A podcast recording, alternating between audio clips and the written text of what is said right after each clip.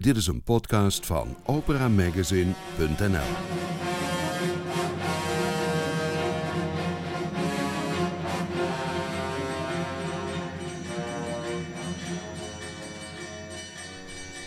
Welkom in Studio Nibelheim. Hier hoort u nieuws, achtergronden en interviews over opera en lied.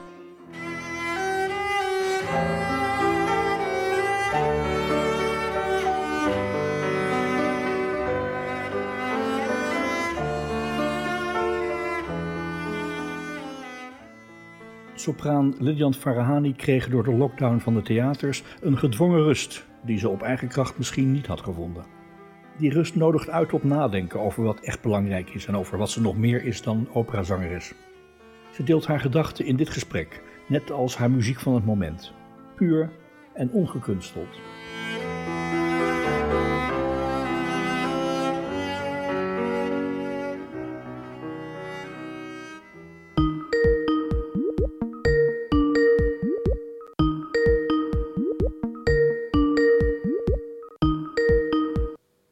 Morning, whoever you are. Good morning. Do you have a name yet?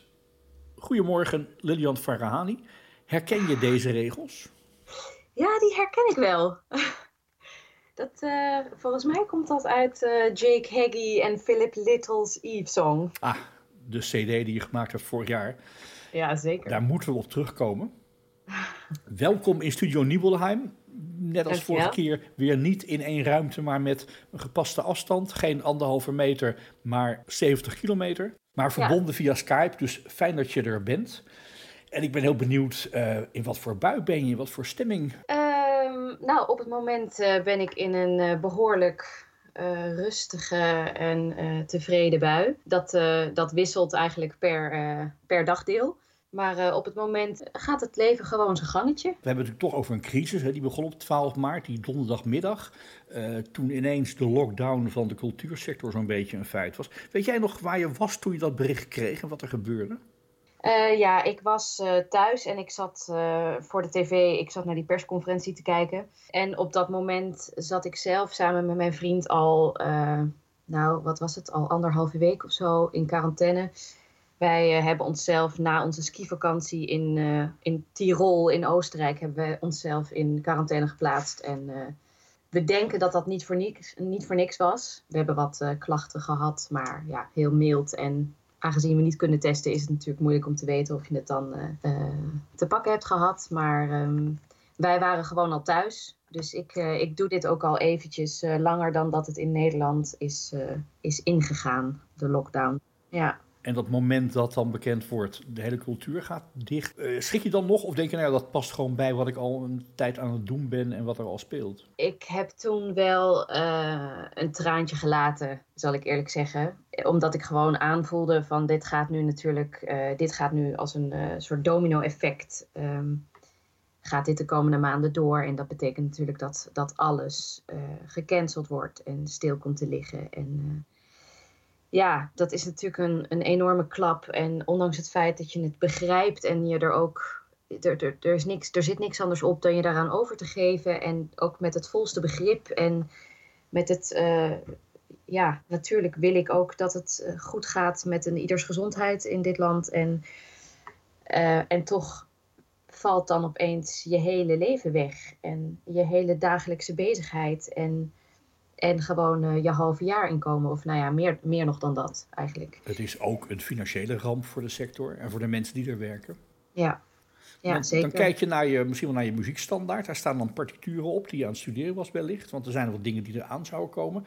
Eh, eh, waar heb je dan het meest zeg maar, pijn van wat er nu even niet in zit? Nou, dat, dat, voor mij zal dat Rusalka bij de Nationale Opera zijn. Dat, ja, daar had ik me enorm op verheugd. En eh, dat was ook, eh, nou ja, een van de grote projecten van dit seizoen. Ehm, dat is gewoon super pijnlijk. Ja, met het Concertgebouworkest in de bak. Het is een, het is een enorm artistiek verlies ook. Eh, en ja, dat is, dat is hetgene wat het meeste, het meeste zeer doet. En ik heb ook nog een aantal dagen nadat het bericht eigenlijk al naar buiten was van nou, dat eh, gaat er waarschijnlijk allemaal niet in zitten, heb ik gewoon nog stug doorgestudeerd eh, tegen beter weten in, maar ook ook om, om toch nog het gevoel te hebben dat ik iets nuttigs aan het doen was. Of met het idee van ja, maar wat als het nou toch nog misschien doorgaat, dan uh, ben ik tenminste voorbereid. Of, het wordt een grote productie. Brian Jack in de hoofdrol en uh, Eleonora Buratto als Rusalka in titelrol. En jij met een aantal Nederlandse collega's, Karin Strobels, Mark Onvlee, Rosanne van Zandwijk, uh, Frederik Bergman. Ja, ik was, eigenlijk, uh, ik was er eigenlijk klaar voor. Ik had mijn coachings op de Tsjechische taal gehad. ik kende mijn noten, ik kende mijn, mijn teksten. Dus wat mij betreft hadden we kunnen gaan beginnen. En ja, dat, dat gebeurt dan niet. Ja. Het, uh, ja, het is, het is schrijnend. En dat geldt natuurlijk voor uh, al mijn collega's in de sector precies hetzelfde. Dus ik hoop dat het op een dag nog terugkomt, deze, deze productie. Je begint dan in een soort zelfgekozen quarantaine, omdat dat rare wintersportverhaal ineens die crisis enorm heeft beïnvloed. Iedereen uit Italië, Oostenrijk en Zwitserland die moest opletten, want daar waren haarden van besmetting. Maar dan ineens komt er een soort wereld waarin je leeft die op slot gaat. En Nederland ging een beetje op slot. Uh, hoe hanteer jij zoiets als mens? Wat, wat, wat doe je als je het gevoel hebt dat de wereld om je heen tot stilstand komt en alles wat je van plan was niet meer kan? Nou ja, het bizarre is dat, um, dat natuurlijk je moet eerst verwerken dat je hele leven zoals je het kent uh, tot stilstand komt. Uh, maar vervolgens merkte ik ook meteen dat het gevoel van bij de pakken neer gaan zitten, ja, logischerwijs werd ik daar natuurlijk niet blij van. Ehm, dus ik wilde me gewoon niet zo voelen. Dus dan is het uh, ja, ook een kwestie van bedenken um, dat, je het, dat je iets gaat doen waar je wel blij van wordt. Of dat je je, je dagen gaat vormgeven op een manier dat je je nuttig en geïnspireerd voelt. En zo ben ik vrij snel uh, ben ik allerlei dingen gaan doen, andere dingen um, heel actief uh, ofwel partituren studeren uh, voor de toekomst, ofwel dingen waarvan ik dacht, oh dat, dat is handig als ik dat achter de hand heb uh, voor het moment dat het ooit eens een keer voorbij komt. Dus in het begin ben ik heel erg gaan zoeken naar allerlei nuttige vakgerelateerde dingen om mezelf bezig te houden en geïnspireerd te zijn. Ik heb een heleboel collega-zangeressen gesproken. van hé, hey, wat doe jij? Waar hou jij je mee bezig? Um, laten we elkaar op de hoogte houden van de doelen die we stellen. Om, om een soort sociaal, uh, sociale stok achter de deur te creëren. En, um, um, maar na een aantal dagen of een, een weekje op die manier bezig, um, ging ik eigenlijk lang, langzaam ook wel in een langzamere versnelling. En dat is iets wat bij mij eigenlijk niet zo heel snel gebeurt dus blijkbaar is daar dan zo'n crisis voor nodig om mij eigenlijk de, de rust te geven om ook eens even niks te doen. Of om uh, uh, me bezig te houden met um, uh, inrichting van het huis. Of koken of bakken. Of, het, het, het gaf ook een soort rust die ik misschien op eigen krachten met een wereld die op volle, volle snelheid draait, die ik misschien niet zo makkelijk had kunnen vinden. Omdat je dan toch het gevoel hebt dat je mee moet, dat je door moet, dat je van jezelf verwacht dat je je beste beentje voorzet, dat je actief blijft en nuttig blijft. En opeens kon, kon dat niet meer of hoefde dat ook niet meer. En um, ja, en, en opeens is er ruimte. En en krijg ik zin in andersoortige activiteiten. Gewoon kleine dingen. Uh, binnenshuis. Of, uh, ja, of een beetje ja, spullen een plek geven die gewoon altijd maar ergens willekeurig liggen. Of gewoon van die hele piepkleine dingetjes.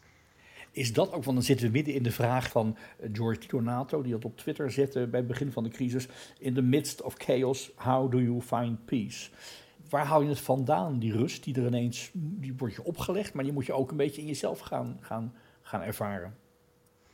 Nou ja, die rust, die, um, die wordt je opgelegd, maar die wordt blijkbaar in mij ergens ook wel gretig aangenomen. En dat is toch wel heel apart om te zien. Um, er zijn momenten dat ik daar, dat die opgelegde rust een bepaalde, bepaald gevoel van paniek bij mij veroorzaakt. Um, gebrek aan uh, doel en gebrek aan uh, creativiteit en snelheid en uh, bezig zijn. En, maar ergens, ehm, nou ja, ergens heb ik het dus ook dankbaar aangenomen.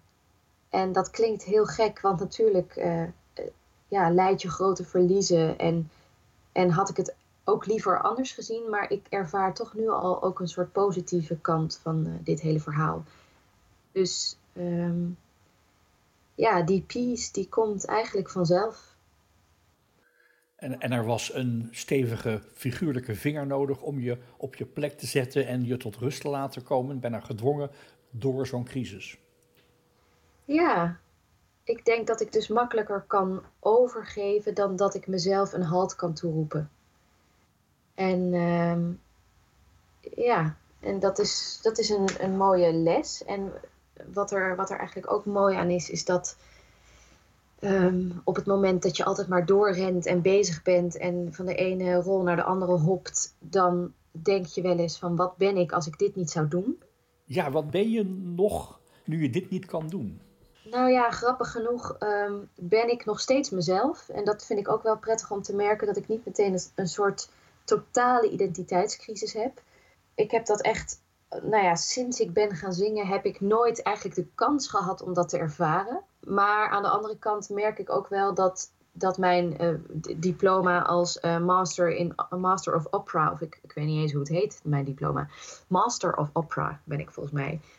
Ja, dat klinkt uh, allemaal heel erg chic en je hebt er natuurlijk helemaal geen ene, hoe moet ik dat netjes zeggen, geen, gewoon geen ene reet aan op het moment als je iets anders wil bijdragen aan de maatschappij dan uh, opera zingen.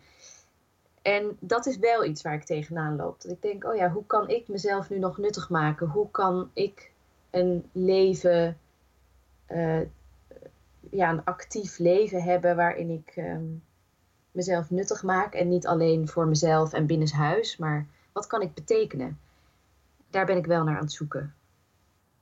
Laten we daar na de muziek nog even op doorgaan. Want uh, ik begon je te begroeten met twee zinnen uit uh, een uh, lied van je CD Woman the Making of, die je vorig jaar maakte. Dat is ook wel een voorbeeld van een zekere vorm van doortastendheid. Want die CD is niet alleen maar een mooie studioopname samen met pianist Maurice Lammerts van Buren. Maar het is ook nog een prachtig uitgegeven werk met foto's van pianist-fotograaf Maurice Lammerts van Buren. En jouw gezicht er prominent op. Muziek van Jake Harry. En uh, om je even voor te stellen aan mensen die je nog nooit hebben horen zingen, want dat bestaat nog. Even gaan luisteren naar Good. Een van de stukken uit uh, Song van Jake Hackey. Lilian Farahani, Maurice Lammerts van Buren. Woman the Making of.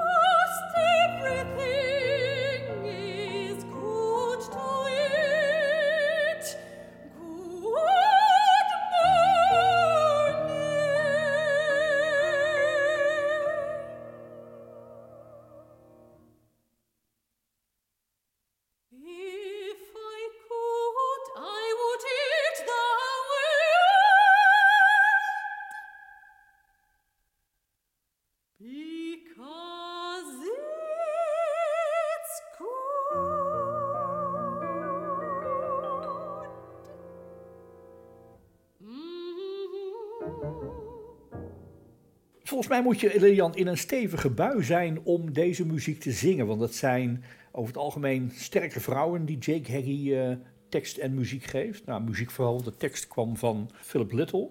Ehm, nieuwe uitdagingen aangaan als je niet meer kan zingen. Daar hadden we het over voor de muziek. Eh, eh, wat voor richting gaat het op? Waar denk je aan als het gaat over talenten die je hebt en die niet zozeer alleen maar op het opera zingen gebaseerd zijn? Ehm, ja, goede vraag. Nee, ik, eh, ik ben toevallig ben ik wel eh, ruim een jaar geleden in januari ben ik begonnen met een opleiding aan de NTI.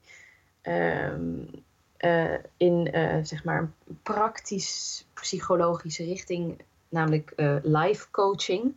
Dat klinkt heel erg zweverig. Ik hou zelf helemaal niet van die term, maar het is, ehm, het is, een, het is materie die ik heel interessant vind en wat ik dus ruim een jaar geleden heb opgepakt. Eigenlijk juist omdat het zo druk was en omdat ik, eh, ik eh, ervoer heel veel, ja, heel veel stress, heel veel prestatiedruk. Eh, ik werd eigenlijk moe van het gevoel dat alles afhing van mijn zangeres zijn. En juist daarom, te midden van de storm, besloot ik om ook iets anders te gaan doen, namelijk deze studie, omdat ik mezelf daaraan wilde herinneren dat ik ook nog iemand anders was en met, met andere ehm, ja, mogelijkheden en interesses. En deze studie life coaching ben ik nu eh, in deze weken eigenlijk aan het afronden. Dus bijvoorbeeld zoiets hou ik me dan mee bezig. En nou ja, als ik dat examen heb afgelegd, dan zal ik eh, ja, gecertificeerd coach zijn. Niet dat ik daar dan meteen iets mee ga doen, maar goed, dat, het is een soort richting waarin ik me zou kunnen voorstellen dat ik enigszins nuttig zou kunnen zijn of eh, iets op zou kunnen zetten. En verder, nou ja, verder heb ik me bijvoorbeeld aangemeld bij een aantal vrijwilligersposities als, ehm, als begeleider voor kinderen die eh, eh, huiswerkbegeleiding nodig hebben. Nou ja, dat soort dingen. Dus ik, ik ben een beetje, ik ben me gewoon aan het opwerpen als vrijwilliger op eh, welk gebied dan ook, waar je me dan ook eh, voor nodig zou hebben. En, en af en toe hang ik uit het raam en zing ik een liedje eh, voor de buurt. Ja, En ik hoorde je op Facebook een stuk van Beethoven zingen. Je zat letterlijk op de vensterbank uit het raam. Het zag er een beetje griezelig uit eigenlijk. Ehm, en je zong voor de buurt Alle mensen werden broeder. Wat maakt dat je dat gaat doen? Wat, wat, is, wat, was de drive om uit het raam, letterlijk uit het raam te gaan zingen? Wat normale mensen doorgaans niet doen. En jij gelukkig wel. Ja, nou dat was eigenlijk een eh, beweging. ehm, er circuleerde op een gegeven moment een bericht waarin de, de muzici werden opgeroepen, zowel amateurs als professionals, om eh, op een, ik geloof, ik weet niet meer, woensdagavond om zeven uur of zo, eh, allemaal dat alle mensen werden brüder eh, te spelen of te zingen. En eh, dat is ook op, ja, op meerdere plekken is dat ook gebeurd. En ik zag ook veel collega's die ook een filmpje hadden gepost eh, waarin, ze dat, waarin ze dat deden. Dus nou ja, dat was zoiets waarvan ik dacht, oh, hè, normaal gesproken ben ik daar niet heel erg, doe ik daar niet heel erg aan mee. Al die dingen die, die dan van je verwacht worden, hè, die dan circuleren van we gaan allemaal zus of zo doen, dat, dat doet me niet zoveel. Maar dit vond ik toch wel een heel mooi gebaar. eh, ehm, ja, ook vanwege natuurlijk eh, de tekst bijvoorbeeld. Gewoon omdat het zo'n iconisch en zo'n eh, het Europese lijflied is, als het ware. eh, vond ik het wel mooi om dat ook even bij te dragen aan deze, aan deze buurt. Ah. Ik heb een paar seconden hier klaarstaan. Laten we even luisteren naar jou op de vensterbank ergens in Amsterdam. Beethoven zingend en een beetje wind doorheen.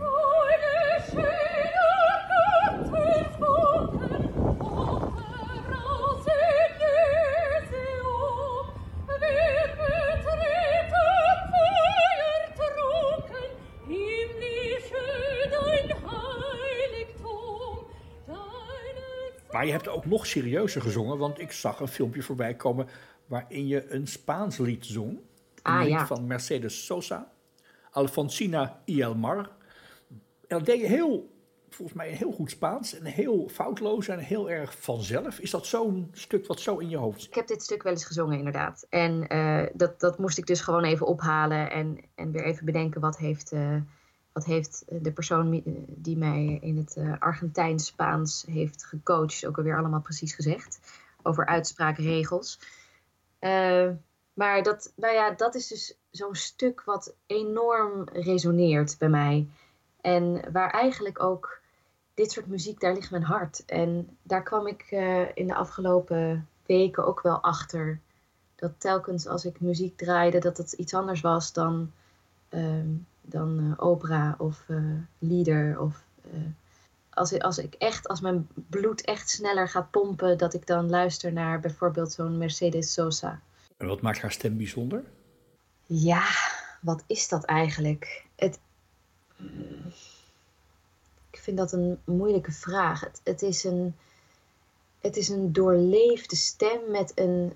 ehm, ja, ze zingt, ze zingt in een heel natuurlijk register. Voor mij komt dit het dichtst in de buurt van wat, wat zingen is. Wat de natuurlijke menselijke stem is. En wat emoties zijn zonder opsmuk. Ja, voor mij draagt zij dat ongelooflijk goed eh, uit, zonder dat ze daar heel veel moeite voor lijkt te doen. Of zonder dat, het, eh, zonder dat er een enorme ambacht eh, achter zit. Zoals bijvoorbeeld in het opera zingen, waar ik natuurlijk ongelooflijk ook van hou. En ik geniet ook van, ik geniet van de ambacht, de schoonheid van de ambacht. Maar ehm, het is niet puur. Het is, het is niet onopgesmukt. En bijvoorbeeld zo'n Mercedes Sosa is voor mij totaal onopgesmukt. Misschien moeten we maar even luisteren naar Mercedes Sosa. Het is een live-opname. Ze is in 2009 overleden. Alfonsina Ielmar. Kun je heel kort zeggen waar het over gaat? Ja, het gaat over ehm, Alfonsina, die is een, eh, een dichteres. En zij besluit dat het genoeg is geweest in het leven. En ze wandelt de zee in en verdrinkt. Dus het is niet heel vrolijk. Een beetje Roesalka. Een beetje Roesalka, ja. Nou ja, eh, ze, leeft, ze leeft daar verder inderdaad met, de met de, eh, de dieren in het water en, de, en de, in het, tussen het koraal. En ik vind dat ook een heel poëtische beschrijving. Ik zie dat volledig voor me. Weet je wat, dan beginnen we met jouw versie, die je gewoon thuis met een telefoon hebt opgenomen. Even een paar regels om te horen hoe jij dat zingt. En dan schuiven we langzaam door naar Mercedes Sosa met Alfonsina Ielmar.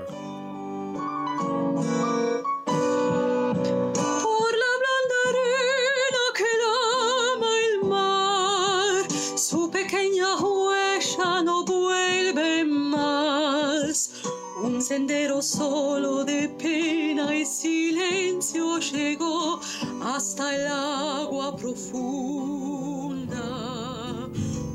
Un sendero solo de penas llegó hasta la espuma.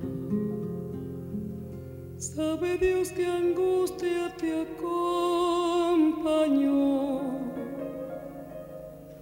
que dolores viejos cayó tu voz para recostarte arrullada en el canto de las caracolas marinas. La canción que canta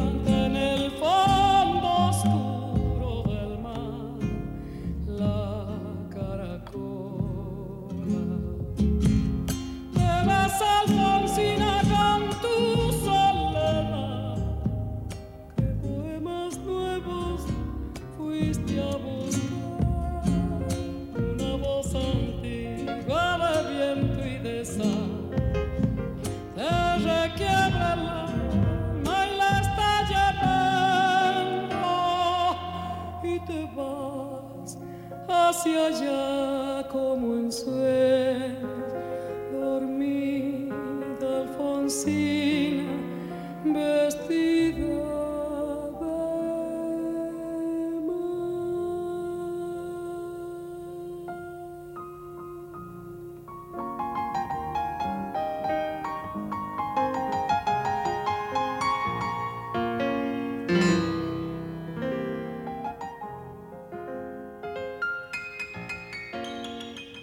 Nueva Canción, dat is de beweging waar Sosa bij hoorde. Die vernieuwende zang uit Argentinië, waar ze ook zeer door omstreden was in de tijd van het eh, militaire regime. Maar waar ze dan uiteindelijk toch haar eigen land weer kon, eh, kon terugvinden. En ze daar ook uiteindelijk is overleden. Ehm, je hebt Persische roots. Ja, En ehm, daar ben je, volgens mij, ben je, ik heb je al eens eerder gesproken, daar ben je trots op. En dat is ook een zeker temperament, wat ook als je erover praat al heel goed te zien is, dat dat eh, diep van binnen zit. Wat is dat Persisch aan jou? Wat is, wat is Persisch aan een mens als jij? Oh, ja, ik vind dat heel erg lastig. Ehm, het is mijn normaal natuurlijk. Dus het is ook, eh, ja, jeetje, wat een ongelooflijk moeilijke vraag, François. Het is een soort life coach vraag eigenlijk. Life coach, ja, nou ja, maar dan moet ik een soort definitie geven van wat Persisch is. Ik denk, Waarin voel jij Ja. je Persisch dan? Is je af, afgezet tegen de Hollandse, doe maar gewoon. nou ja, ik voel me, nou ja, ik voel me normaal, ik voel me mezelf. En mijzelf is, eh, is een combinatie van het eh, Nederlandse en het Perzische. Ehm, ik denk, ik denk dat ik niet nuchter ben. ik ben, ehm, ik ben best wel, ik ben heel emotioneel. Ik ben heel uitgesproken. Ik, eh, ik ben wat zeg maar ehm, in Nederland als eh, too much wordt bevonden. Dat ehm, is een soort van, dat vind ik neutraal. Ehm, ja, maar goed, dat is, dat is dus het punt. Ik voel me daar niet zozeer bijzonder in. Ik, ik vind dat normaal. Eh, dus dat is. maar goed, dat wordt dan wel eens eh, door, door andere mensen wordt daar dat wel eens als Persisch benoemd. Dus ik heb ook eigenlijk doordat andere mensen mij dan spiegelen, geleerd dat dat dan eh, iets niet-Nederlands wordt bevonden, bijvoorbeeld. Maar goed, andersom geldt dat natuurlijk ook, hè? Want in de, in de Perzische spiegel eh, ben ik op sommige momenten ongelooflijk Nederlands. Waarin? bijvoorbeeld? Wat is typisch Nederlands aan je? Ehm, nou, bijvoorbeeld in eh, bepaalde directheid. Vergeleken met, met echt volle Iraniërs. Of, en de, in de Perzische cultuur vind ik mezelf dan best wel, ja, best wel direct. En eigenlijk ook, ja, dan zou ik mezelf weer opeens wel nuchter noemen. Ehm, dus, nou ja, dat is het ding. Ik zit er een beetje tussenin. Dus dat, dat, eh, aan beide kanten herken ik mezelf. Maar zie ik ook waarin het, eh, waarin het net niet is of zo. Hmm. Oh, dat klinkt, zo, dat klinkt heel zielig eigenlijk. Dan ben ik het allebei net niet. Ja. Of en je bent Oh. net wel gewoon jezelf. Nu heb ik echt een identiteitscrisis. Ik ben, wij- ik ben werkloos. Hmm.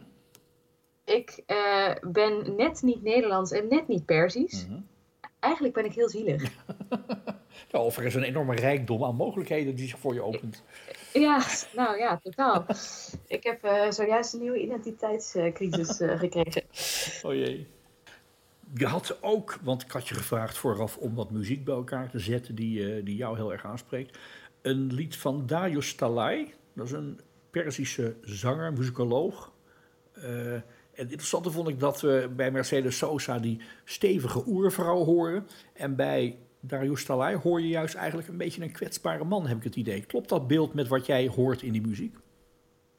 Ehm, nee, ik, ik, nou ja, het, ik zou niet zeggen dat het ehm, kwetsbaar is. Nou, misschien is het wel kwetsbaar, maar het is zeker niet eh, kwetsbaar met de negatieve connotatie die wij daarbij bij ervaren. Ik denk dat het dus op de, dat het ook, Darius is ook heel oer, is ook heel, ehm, heel puur, zoals ik dat bij Mercedes Sosa ook hoor. En natuurlijk heeft dat iets kwetsbaars. Ehm, want het is gewoon, maar het is tegelijkertijd dus ook heel sterk. Er zit wel de Oosterse melancholie zit erin. En ik geloof dat dat dus iets is wat mij heel erg aanspreekt. Dus dat zegt ook weer een stukje meer over, over mij, geloof ik. Cheshme Man, heet het zo? Zeg ik het zo goed? Ja, dat is eh, mijn ogen, betekent Ah, dat. mijn oog. Laten we door de ogen van Darius Talai kijken naar de wereld. Jouw muziek, jou, door jou uitgekozen, Cheshme Man.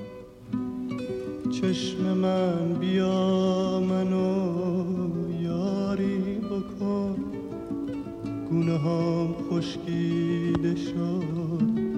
کاری بکن غیر گریه مگه کاری میشه شکر کاری از ما نمیاد زاری بکن.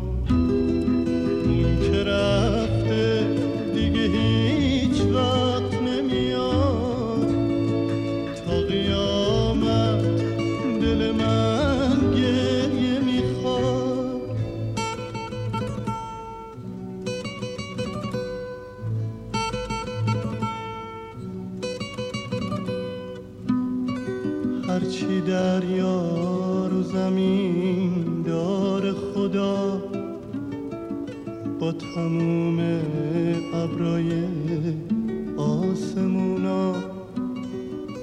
کاش که می‌داد همه رو به چشم من تا چشام به حال من گریه کنم.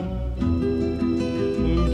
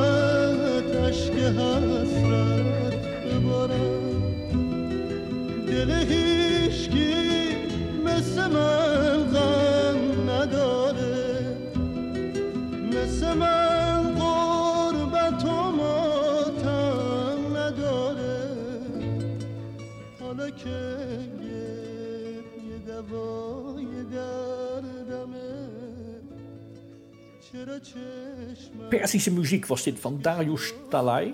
We moeten nog wel even door, Lilian, want deze quarantaine die bij jou al een weekje voor de grote lockdown begon, die lijkt nog wel even te gaan duren. Ja, op dit moment gaat het allemaal nog best wel oké. en, en vind ik mezelf elke dag weer een beetje opnieuw uit. Maar de gedachte dat dat nog maanden gaat duren, dat ik eh, geen direct doel heb, dat beangstigt me wel.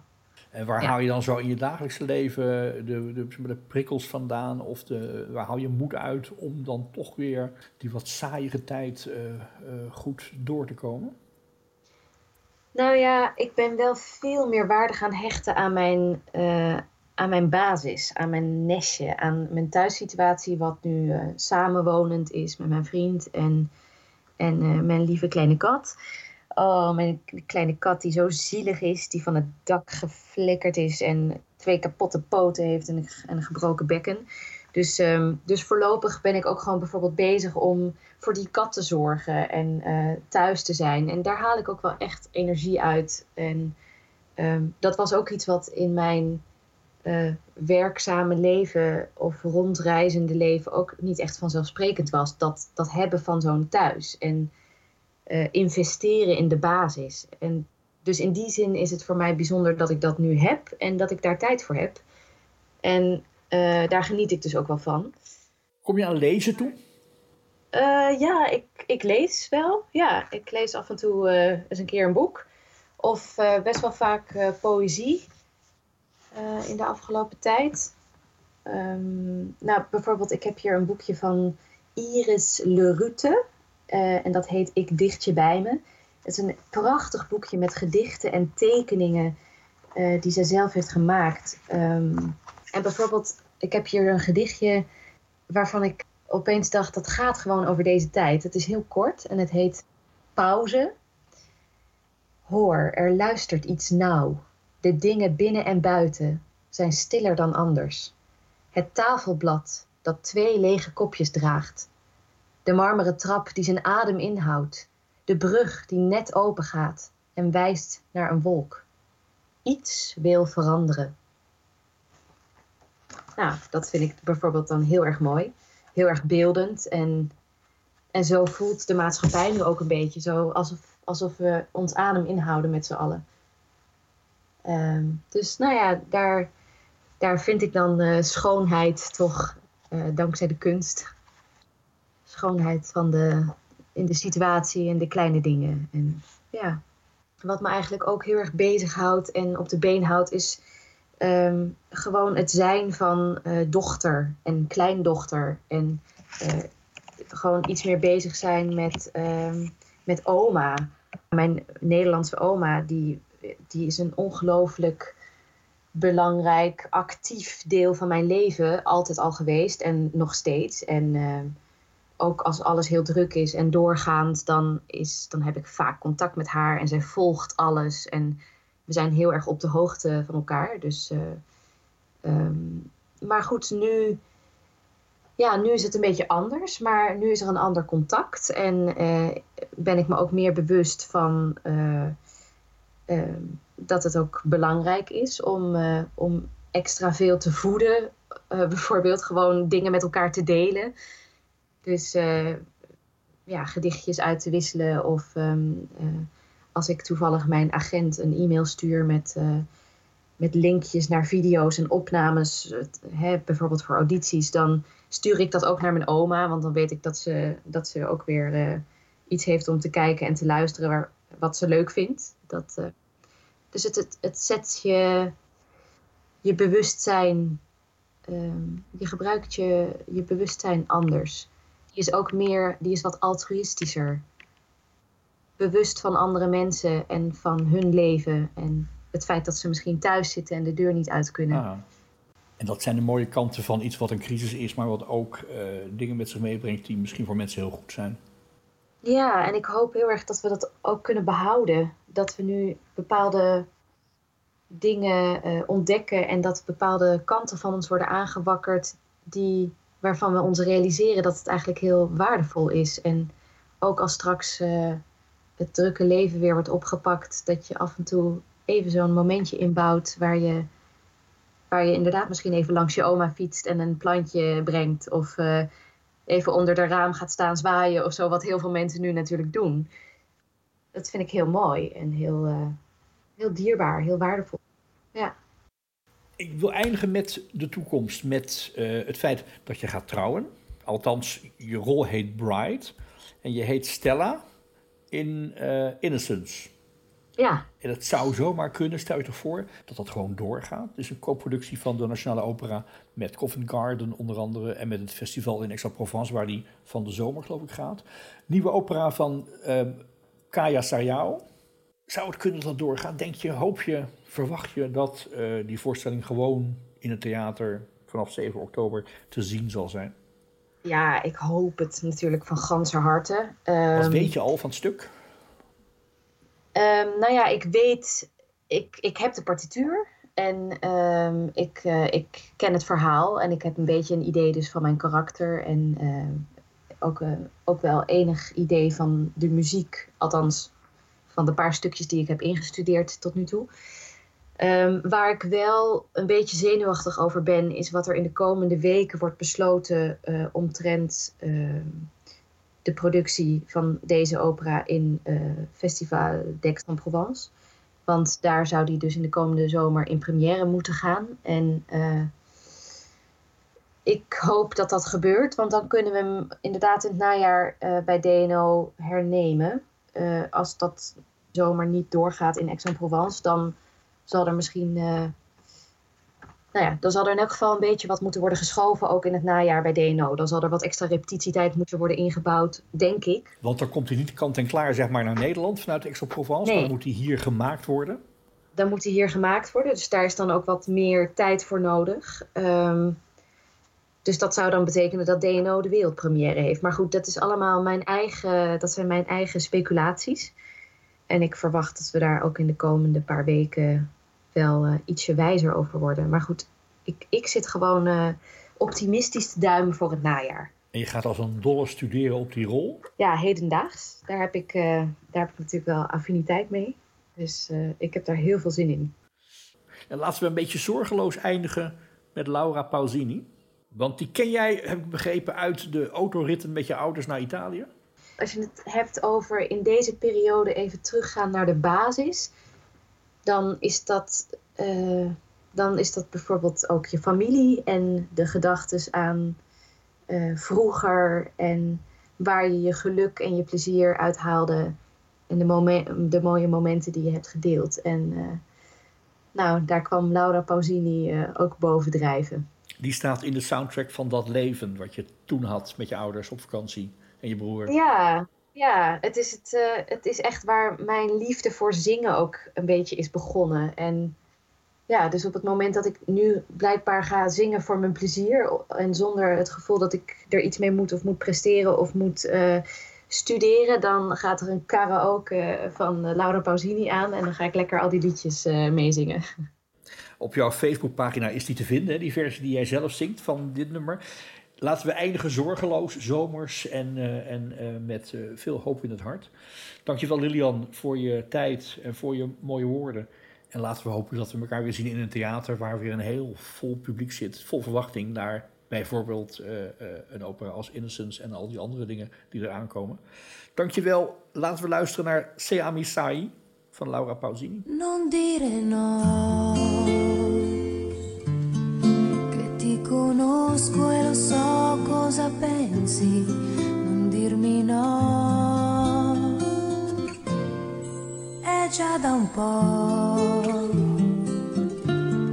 che non ti sento parlare d'amore, usare il tempo al futuro per noi e non serve ripetere ancora che tu mi vuoi.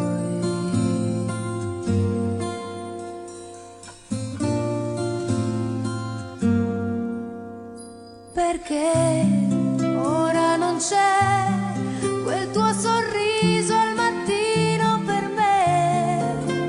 Perché non mi dai più niente di te?